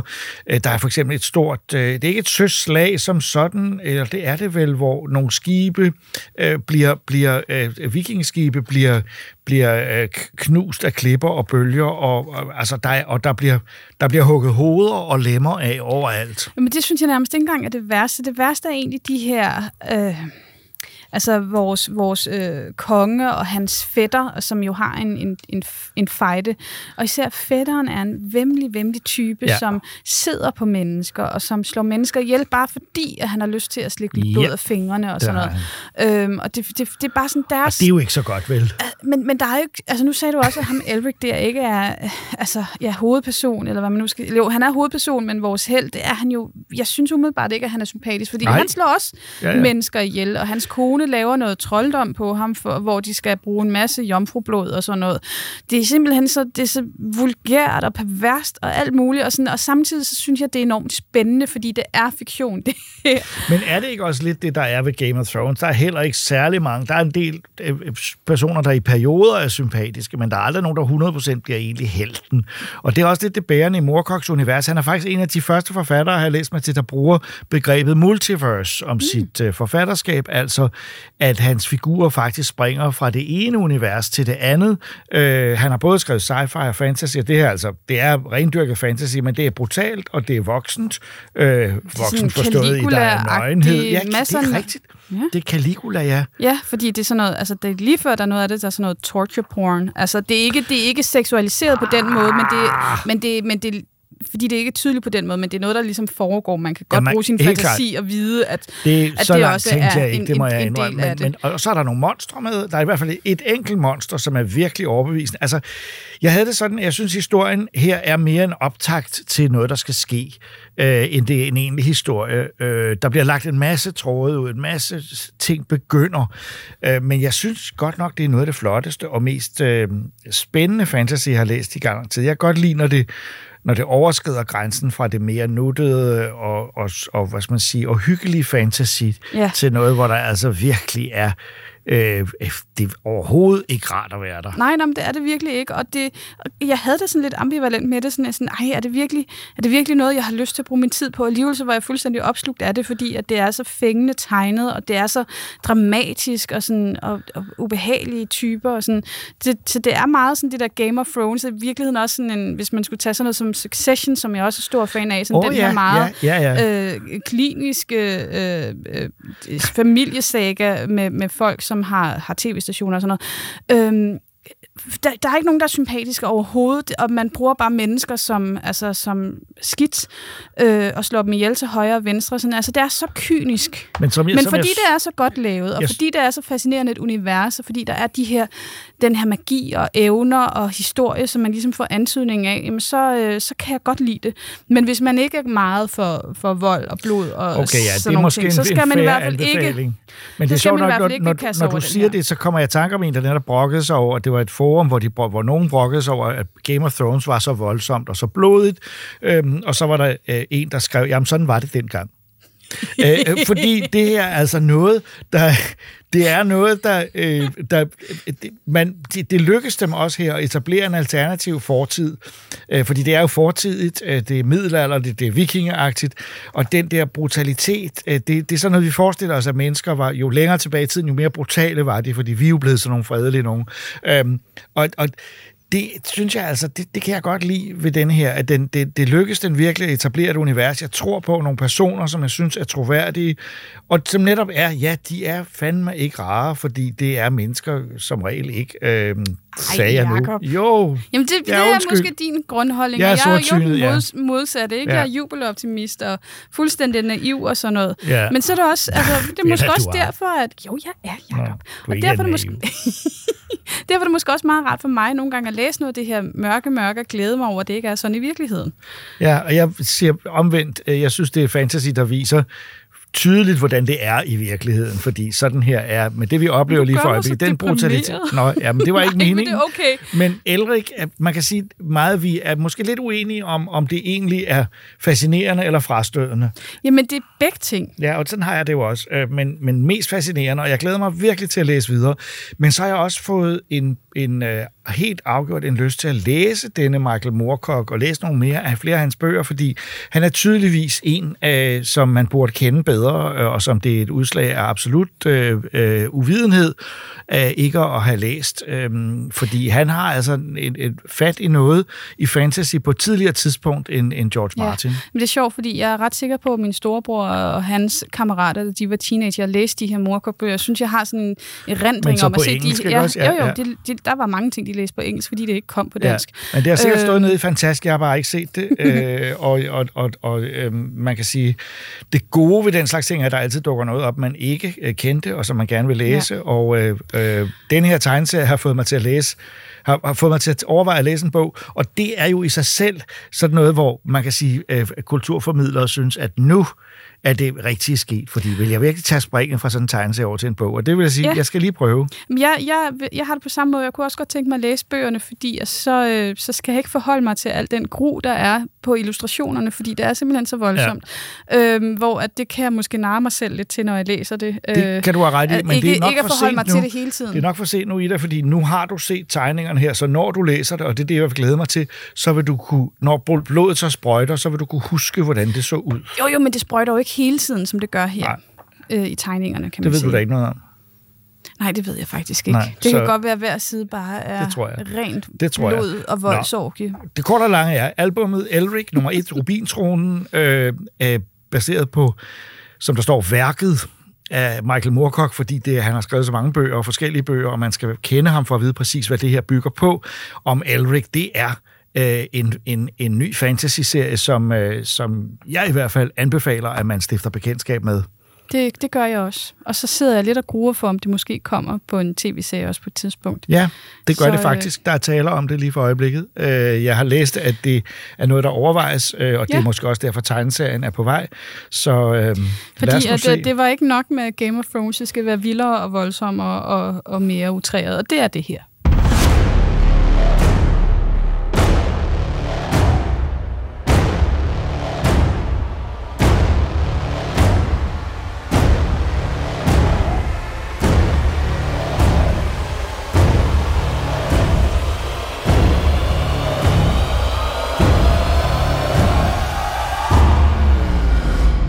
Det er snart 10 år siden Microsoft købte det svenske Mojang spilstudie, skaberne af Minecraft, og dermed gjorde et af de store uafhængige studier til en del af sin kæmpe koncern. Fans var forståeligt bekymrede, ville Microsoft ødelægge det fantastiske Minecraft. Minecraft overlevede og er stadig stort, men spørgsmålet er, om det gamle koncept kan bruges til et real-time strategi-actionspil. Troels og Benjamin har set på Minecraft Legends, som det nye spil hedder. What makes the difference between a story and a legend? Is it the cruelty of its villains or the bravery of its heroes? Ja, Benjamin, normalt Ja. så øh, ville vi jo sidde, altså hvis vi skulle snakke Minecraft, så er det jo bare det gode gamle gængse Minecraft, Yes. eller, eller det der historie Minecraft, der kom på et tidspunkt. Story mode. Der, mode. så kunne man også godt tale om Minecraft Dungeons. Og så var der Minecraft Dungeons, ja. Diablo-craft. Men nu, øh, Øhm. nu er det noget andet, vi skal snakke om, og Ja. det er øh, Minecraft Legends. Øh, som er en RTS. Real-time strategy. Ja. Ja det, det vil jeg sige, det er det, det mest er. Ja, altså det er rigtigt. Det har Øhm. noget, det har noget øh, en del RTS over, så i hvert fald når det gælder kampene. sådan, ja, det er sådan lidt en, en mærkelig hybrid af en masse forskellige ting. Ja. Øhm, Ved du, hvad det minder mig om? Hvad minder det om? Brutal. Åh, et Jack Black-spil. Hvad var det, det hed? Bru, Bru, Brutals. Åh, ja, okay, det kan jeg selvfølgelig ikke huske lige, når jeg skal Det- til at øh, ja. sige det. Det var Jack Black, der udgav et spil, som sådan, fra det startede til det sluttede, så skiftede det genre fire gange eller sådan noget. Det var helt sindssygt. Nå. Brutal Legend. Ja, nå, Brutal Legend, ja, ja det det, der. har lidt Ja. af det, den Ja, der ja, ja. feel der, med det har sådan forskellige genrer, der sådan Ja. er mix and matchet. Ikke? Mm, men, men på samme måde synes jeg også, at, at, at, at de, de alligevel, altså de forskellige genrer, er i spil det meste af tiden hele tiden, synes Ja, jeg. det er rigtigt. Det er sådan lidt en blanding af noget RTS, StarCraft, Warcraft, Ja. et, et eller andet. Og så noget og noget, og noget li- lidt hack and slash, noget tower defense Ja, også. også Tower Defense, ja. Øhm, og det, det, det, det går ud på, ja. det er, øh, plotmæssigt handler det om, at Minecraft-verdenen bliver invaderet af The Nether, Ja. og det er din opgave at slå, slå dem tilbage, tilbage ja. og beskytte landsbyerne og de forskellige dyr, der, ja. der nu lever i Minecraft-verdenen. Og, og jeg synes, det er til at starte med, det fedeste ved det her spil, det er verdenen selv. Det er grafikken. Ja. Fordi det, det er et meget flot spil. Det er faktisk øh, Det- ret flot. Nu, har, det- altså, nu ved jeg selvfølgelig ikke, Ja. hvordan du er vant til at spille Minecraft, men jeg har, øh, siden at Ja. den kom i beta, har jeg spillet Minecraft med øh, Ray Tracing, Ja, øh, som Jamen, ser det, drøn godt ud. Det, det gør jeg også ofte. Jeg spiller i hvert fald altid med shaders. Ja, men sådan, sådan ser... Altså, det er jo ikke ray-traced Minecraft Nej. Men når det nu er sagt, så Mm. er det rigtigt, så synes jeg også, det faktisk er ret flot. Det er flot lys, men det er også, Ja. ja. altså, og- også bare selve biome, det har jo, det er jo taget ligesom de standard Minecraft Ja. biomes, men det har ligesom udviklet det i sin egen lidt unikke, lidt mere øh, ekstreme retning, vil Ja. ja. jeg sige. Bjergene er lidt højere, Ja. ja. træerne er lidt mere specielle. Ja. Jeg, jeg føler, at der sker mere. Der, man føler også, der er pillet lidt ved det hele. Ja, ja, altså, der er det- nogen, der har det- været inde og røre ved det hele. Øhm, så så det, det ligner helt klart Minecraft, men på sin egen måde, ja. Hvilket jeg synes er meget fedt. Det, det er også bare fedt spil at løbe lidt rundt i, og bare kigge og Ja. se, hvad man kan finde. Ja, det Men- der ved jeg ikke, om jeg er helt øh, enig Ja, med. Det, eller- Jeg synes, det tager for lang tid at komme fra A til B. Det er sådan noget helt andet. Ja, ja, det, det, det kan jeg godt være enig med dig i, men, men når man så endelig kommer i gang med at spille, synes jeg, jeg synes, jeg synes sgu, det er lidt kedeligt. Det, altså, Det- det... Jeg er ked af at sige det, men jeg er fuldstændig enig. Fordi at, øh, det, det var dig, der ligesom kom og sagde, hey, det der Minecraft Legends, det vil jeg egentlig gerne øh, anmelde og snakke Ja. lidt om. Og så sagde jeg, okay, det kan vi godt, så lad mig lige spille det lidt, for det ligger på, øh, på, På- PC på- Game på- Pass på og Game Xbox Pass, Game Pass. ja. Øh, så lad mig lige spille det lidt først, og så, så kan vi snakke om det. Og så endte jeg, det skal så lige siges, jeg endte med at faktisk at spille det en hel del. Ja. Fordi at, øh, det, på trods af, at nu sidder vi og snakker om, det er lidt kedeligt, mm. så er det også lidt fængende på en eller anden måde. Det har Ja. sådan en, der er visse spil, der har sådan en blanding af, det her det er røvkedeligt, men jeg kan ikke stoppe med at spille. Og Ja, det her har lidt den der. Det, det, det, jeg føler, det har lidt atmosfære. Lad, Ja. det, lad os lige sige, det man laver, det er meget simpelt. Man render rundt og, og skal destruere nogle piglin-baser. Ja, nogle de der pig, netherbaser. ja, piglins, det, Ja. jeg kan ikke lade være med at tænke, Og- de har vist øh, set for meget Angry Birds på det seneste. Det er grise, der er de onde. Jo, men, men, men det var, der var jo også grise i nether før Angry Birds. jeg synes bare, altså. det er sådan, jeg har Ja, ikke spillet nok Minecraft til at vide, at grisene har været onde på noget tidspunkt. Jamen, grisen, i, de grisen, originale. jamen, gri, det er egentlig det mærkelige med grisene, fordi grisene har jo altid været nogle af de der monstre, som ikke angriber dig med det samme, Nej. men som først angriber dig, når du angriber dem. Ja.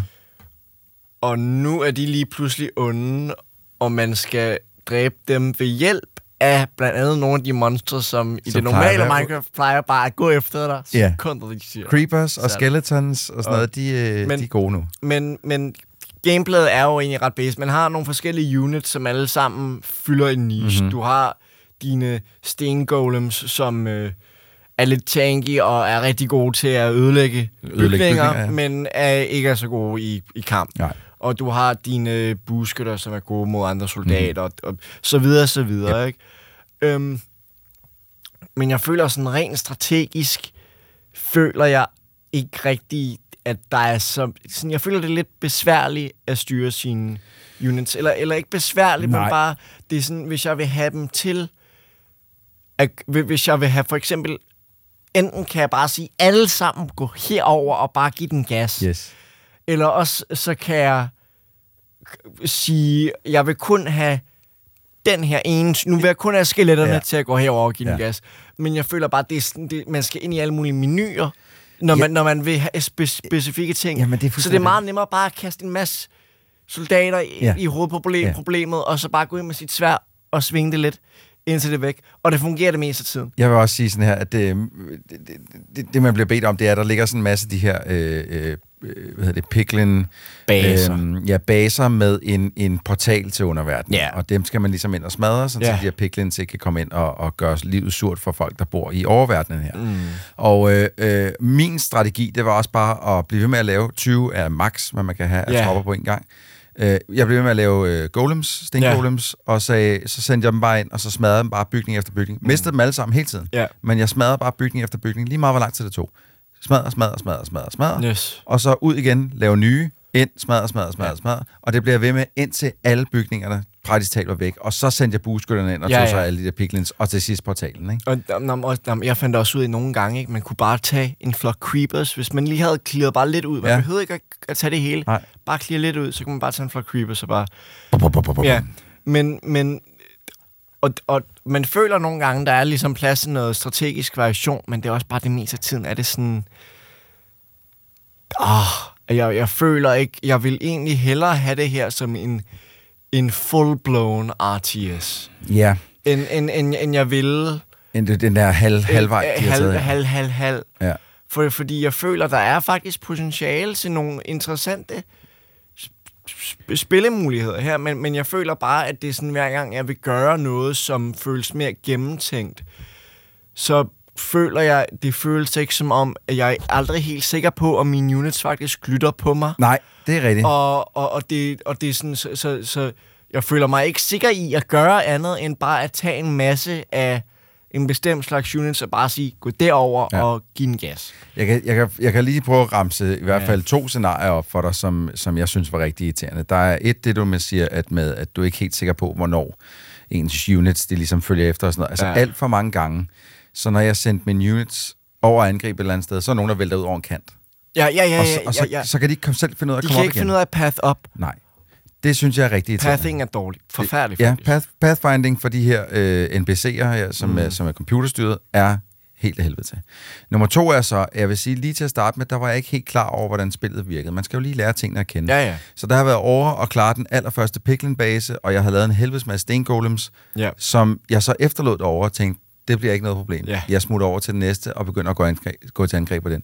Men problemet var, så havde jeg allerede 13 lavet, 13 stengolems, Ja. der eksisterede, og så kunne jeg kun lave syv og angreb den her base med. Jeg Ja.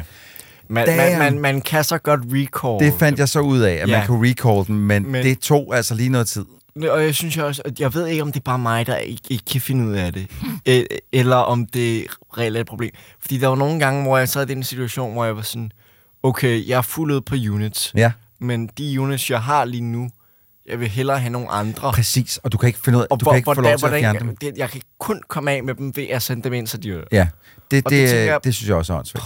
Ja. Altså. Der, der, det virker i det hele taget, altså prøv, øh, øh, det skal lige siges, det her ja. Spil er, øh, øh, når man tænker på, nu har jeg spillet på PC, det går jeg ud fra, du også har. Det har jeg. Når man tænker på, hvor mange PC-spil, der er udkommet i den seneste tid, som bare har været røv og nøgler med hensyn til, hvordan de kørte på en PC, så kører det her Ja, det er helt smooth. Ingen problemer. Det er selvfølgelig heller ikke det mest øh, grafisk Ah, nej, sindssygt men, nej, men, men der sker, der, kan, der kommer Ja, ja. scenarier, hvor der sker meget og du med kan se langt mange ud i horisonten, ja. og altså, der, den har nogle grafiske flourishes, hvor man tænker, ja, okay, jamen, det der her, er også det bare ikke... nogle gange sådan nogle, sådan nogle situationer, der minder mig sådan lidt om sådan noget Total War, hvor at der kommer... Ja. Nå, men altså, hvor Ja, der, der er mega mange en, units på en, banen. En, rullende unit ind, og alle mine units flyver til Ja, ja, alle ja, ja. sider, ikke? Og, og, og, og det er alligevel fedt nok. Enig. al- altså, og, og man kan spille det co-op. Ja, det, skal det er rigtigt, ja. siges. Det har jeg ikke prøvet, men jeg har hørt, det faktisk er ret sjovt. Ja. Det kunne jeg også og godt jeg forestille godt, Og mig. det kan jeg godt forestille mig. Jeg har for eksempel, øhm, øh, der hvor, ja. jeg, hvor, jeg, hvor jeg er stoppet, ligesom, det, det er Ja. ved sådan en stor Piklenborg, hvor at jeg ligesom skal, ikke igennem en labyrint, men den har ligesom flere ydermure, Ja, inden jeg kommer ja. ind. Og der kunne jeg godt forestille mig at have en marker der og gennemføre det med, vil være mega fedt. Ja, fordi, fordi så kan man tager så ligesom tage hver sin del. Ja. Og, og, og det tror jeg, hvis man har en ven, man gerne vil spille det her med, eller flere, Mhm. altså, så tror jeg egentlig, det er fedt. Og det ligger jo på Game Pass. Ja. Jeg kan ikke sådan noget galt i lige at prøve det, men Nej. jeg synes, altså, det er sådan lidt en... Ah, og og det, det, det er lidt for nemt. Og jeg ved godt, at det er Minecraft, og børn skal kunne spille det, men altså, jeg husker, at der var en, en, et Lego RCS-spil til DS, da jeg var lille. Okay, ja. Som, og, og nu er det kun min hukommelse, jeg går på, men jeg synes alligevel, det var lidt svært nogle gange. Ja. Jeg har ikke spillet det siden, så det kan faktisk godt være, at det er virkelig nemt. Ja. Men øh, ja, Ja.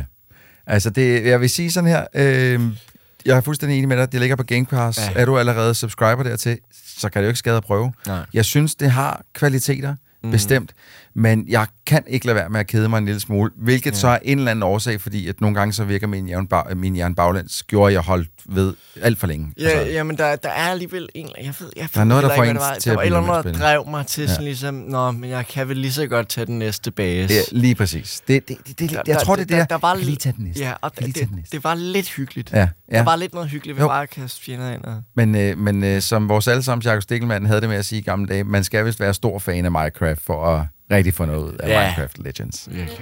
What will we remember? Ultimately, it's the tales that capture our hearts and give us reason to hope. Kaotisk, uforudsigeligt og actionfyldt. Gennem tre spil har fans lært præcis, hvad de kan forvente af et Bayonetta-spil.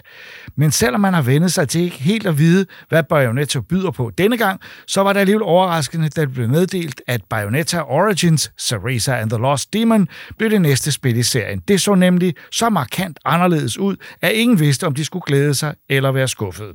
Troels har søgt svar hos Christoffer, som har spillet Cereza and the Lost Demon. You must never enter that forest. You would soon become a snack for one of the fairies who live there. Please walk this time. Who are you? Did I manage to summon a demon that has now possessed Cheshire? Send me back. Send me back. The demon demanded. Don't worry, I'll send you home.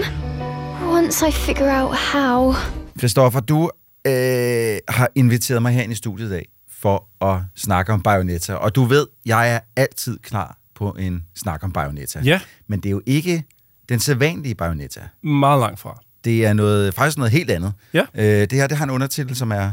Uh, Cereza and the Lost Demon. Ja. Ja. Og det er øh, øh, stadig altså Bayonetta-universet, men... Men en fuldstændig anden stil. Ja. Altså en helt anden stil. Det er en origin-historie. Det er oprindelsen, øh, så man kommer sådan helt tilbage til, da hun var ikke så gammel. Pur ung, Ja. og, øh, og stadig heks, men, men begyndende heks. Ja, altså hun er ligesom i oplæring, kan man Ja. ja. sige det sådan. Der er en lidt tragisk baggrundshistorie for hende. Og, Det er der altid. Altså, men, men faktisk også en ret god en, synes Ja. jeg. Hun, øh, hun har nogle forældre, som kommer fra to øh, typer, eller man skal sige, som ikke må forenes, og derfor så bliver hun, hendes forældre bliver øh, det, forvist og Ja. sat i fængsel og sådan noget, så hun må ud i skoven og oplæres af en heks. Og hun vil selvfølgelig gerne have fat i sin mor igen, mm-hmm. øh, som sidder i fængsel. Og der er så en, en, en stemme i skoven, som siger til hende, det du skal bruge er herude i skoven. Så hun trodser, hvad, hvad den, den ellers ret kloge heks har sagt til hende. Du må ikke gå ud i skoven. Det bliver hun selvfølgelig nødt til, fordi at nu hører hun det som et kald, og så rejser hun ud i skoven. Og det er det her eventyr, eventyr man så tager med hende øh, ud på i skoven. Ja. Og jeg synes faktisk, det er det korte præcist egentlig. Altså, det bliver fortalt i starten meget overskueligt. Ja. Det er ikke så kaotisk, som man ellers kender fra Bayonetta.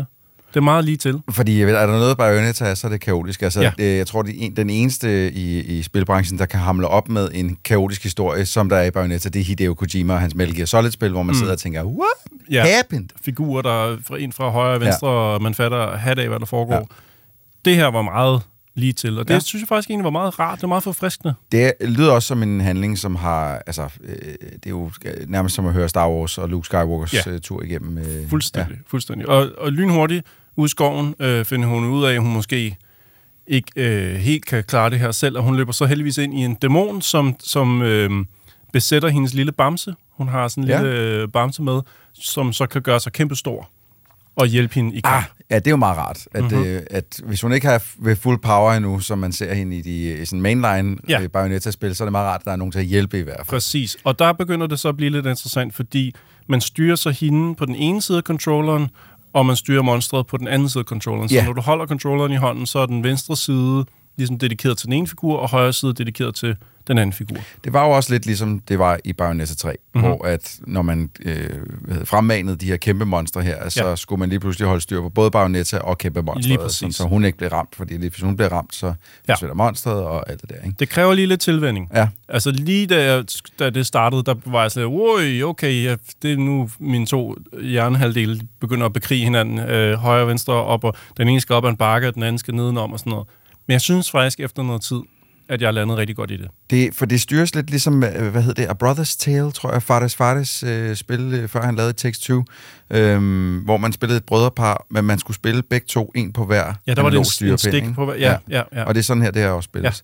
Ja. Øh, du bliver lige nødt til at fortælle mig lidt om, fordi rent grafisk er det jo, øh, hvad jeg har set, øh, helt noget andet, end, end hvad vi har set før fra Bayonetta-universet. Øh, først og fremmest virkelig flot. Ja. Altså, den, den viser ligesom det, som Switchen kan, øh, for at prøve at hamle op med de andre kæmpe store spil, der kommer lige for tiden. Så Den kan, mere stilistisk end, Ja. end fotorealistisk. det minder mig på mange måder om at læse øh, noget, noget litteratur, eller en, en, graphic novel, eller Mm. sådan noget. Fordi man føler, at man nærmest man bladrer igennem en bog, og der er også en, en, øh, en fortællerstemme på, Ja.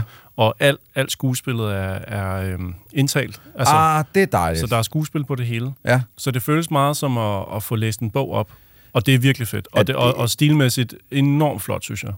I, altså hos mig, det betyder så meget, at der er stemmer på det hele, fordi at der er noget, som jeg ikke rigtig kan holde ud, og jeg ved, at vi kommer til at have problemet også i det nye Zelda, når det engang kommer, det er, der er stemmer på 20% af det, og Mm. de sidste resterende 80, det er bare tekst, tekst, tekst, tekst, Mm. tekst, tekst, tekst. Det, det bliver altså kedeligt i længden, Ja. så det er dejligt at høre, at de rent faktisk har indtalt det hele. Det her er meget, øh, altså hvis vi skal snakke om stilen, meget mere som, altså det har sådan en papirs følelse, det har sådan en, øh, det, det er meget... Øh, er, det, er det stofligt? Er det det udtryk, du leder Jeg har ikke lyst til at sige det på den måde, men, men, men det, det, det, det, det, er bare, det, det har sin egen stil kørende ja. for sig, og, og det kan jeg godt lide. De har taget nogle ret klare og tydelige valg øh, for stilen, Ja. og det ser fedt ud. Altså, det spiller, og der er masser af farver, og det, men det er uden, at det bliver kaotisk, som jeg sagde før. Altså, det er ikke, fordi det sådan tager overhånd. Der sker bare rigtig meget øh, i stilen hele tiden. Der er jo også, altså, øh, hvis vi lige skal drage nogle paralleller til, til øh, de, de mainline-serien på Bayonetta-serien, så altså den måde, når hun, når Bayonetta, hun ligesom fyrer en eller anden superpower-magi Mhm. mm-hmm. af, så har hun jo den der dragt på, som reelt set er lavet af hendes hår, Ja. som så altså, i større eller mindre grad forsvinder af hende, imens hun bruger de her store kræfter. Hvordan fungerer det så i det her? Er det stadig hendes hår, der ja, magien ligger i? Der, er, der, der, der bliver, bliver snakket om håret, men vi er så tidligt i hendes øh, karriere her. Det er Mm. lidt mindre sådan, lidt mindre skala alting, Ja. hvad der sker. Hvilket jeg synes egentlig er meget fedt. Øhm, jeg, Jeg tror heller ikke, det vil øh, øh, gå så godt ned, hvis vi havde, altså, øh, øh, fordi det, det, vi, vi snakker vel om, om en lidt anden aldersgruppe Mm. her. Og øh, hvad, altså, det er fordi sådan, sådan som jeg har spillet Bayonetta-spillene, så er det meget lidt som puzzlespil. Så er det hack and slash-spil hele vejen igennem, og nogle Ja. gange så er der en dør, der skal åbnes, men den dør bliver som regel åbnet ved at smadre en masse øh, fjender. Ja. Hvad med her? Fordi det, det, jeg har set dig sidde og spille en lille smule, ja. Og det ser ud som, der er nogle puzzles, der ja, skal der, der, løses. der, der, der er lidt mere puzzle-element i det her, Ja. end, øh, end normalt ellers. Men sværhedsgraden er til gengæld ikke så høj. Jeg vil sige, at det her det er sådan et... Øh, altså, den sætter sig lidt specielt, fordi stilmæssigt kunne man sige, at det her det kunne være Bayonetta for børn. Ja. Øh, og sværhedsgraden er heller ikke sådan vildt svær. Nej. Men styringen af at skulle styre to figurer på samme tid, Ja. i den mængde af styring, spillet kræver af dig, er ikke rigtigt for børn. Der er noget hånd, hånd-øje-koordination, der så skal du, trænes der. Så du, øh, du er nok ude i, at det vil være voksne øh, gamere, Mhm. mm-hmm. som sidder med det her, men som også ligesom skal være cool nok med, at stilen er... Øh, kunne godt være se Ja. ud som noget for børn, og, øh, og, og sværhedsgraden af puzzles og sådan nogle ting er ikke mm, er makset fuldstændig ud. Der er det der, så jeg lige bliver nødt til at spørge, fordi altså, når jeg tænker på, på min egen søn, som er ni år gammel for eksempel, som, øh, som godt kunne tænke sig at sætte sig ned og spille det her, hvor du så siger, hvor det du siger, det er, at det, den styring, der kan godt være lidt svær, men altså, jeg tænker bare på, at han spiller Fortnite Mm. meget, Mm. og river mig fuldstændig rundt i det, fordi at når han for eksempel bygger sin fort Yes. der, eller hvad det hedder. Så går det inde, stærkt. Så er det sådan her, prrrt, og så Ja. har han bygget en treetagers Jamen, hvis du har den der forståelse af 3D-rum, og, en, og controllerne Ja. er, er, altså, ligger bare øh, naturligt i hånden, så, så kan man godt. Ja. Det er ikke, fordi det er umuligt at Nej, spille nej. det her. Men at give det som det første spil til et barn, sige her, vær god fornøjelse, så skal man bare lige vide, at det ikke er sådan en, øh, en klassisk platformer på den måde, Nej. hvor du bare... Altså, der er lige noget at skulle Det er godt, hvis man allerede har spillet lidt før med Ja. ja. synssystemet. Ja, okay. Jeg, jeg tror til gengæld, at der, jeg kunne godt frygte, at der var mange, der havde sprunget det her over. Enten hvis du er fan af Bayonetta og siger, det ser ikke ud til at være noget for mig, eller folk, som simpelthen bare øh, ikke har lagt mærke til, at det kommer, eller ser det og tænker, jeg ved ikke, hvad det der er, jeg springer det over.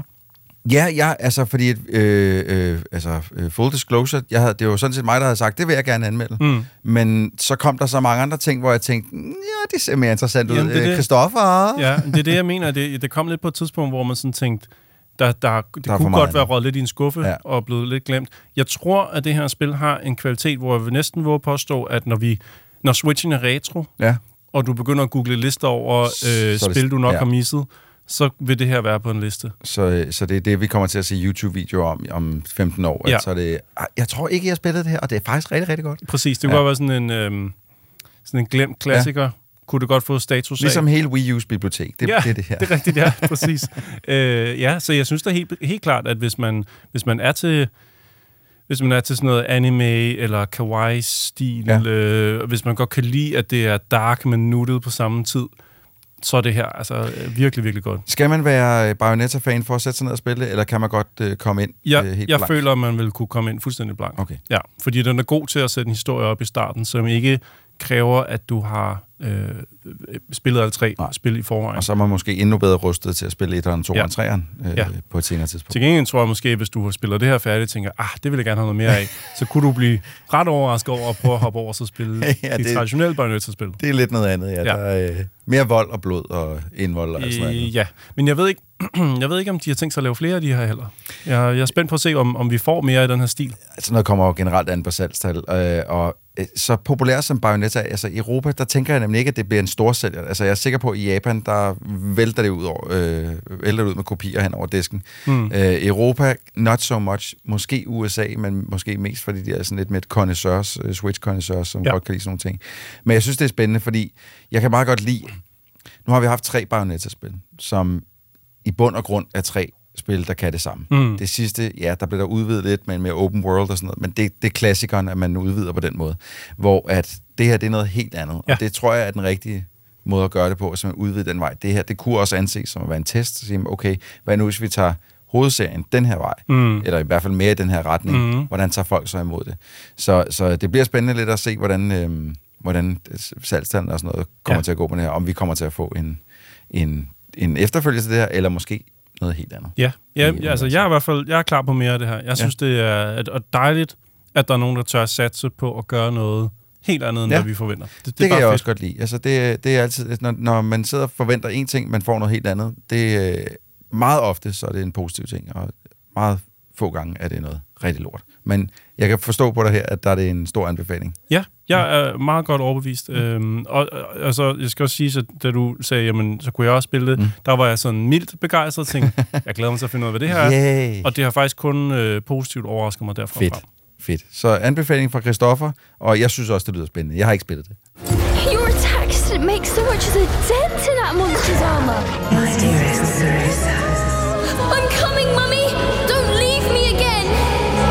Mere har vi ikke på programmet i denne episode. Vi er tilbage om to uger. I studiet var jeg, Jakob Stelmann, Ida Rud, Christoffer Andersen, Benjamin Stelmann, Rikita Heiberg og Troels Møller, der også stod for redigeringen. Tak fordi I lyttede med.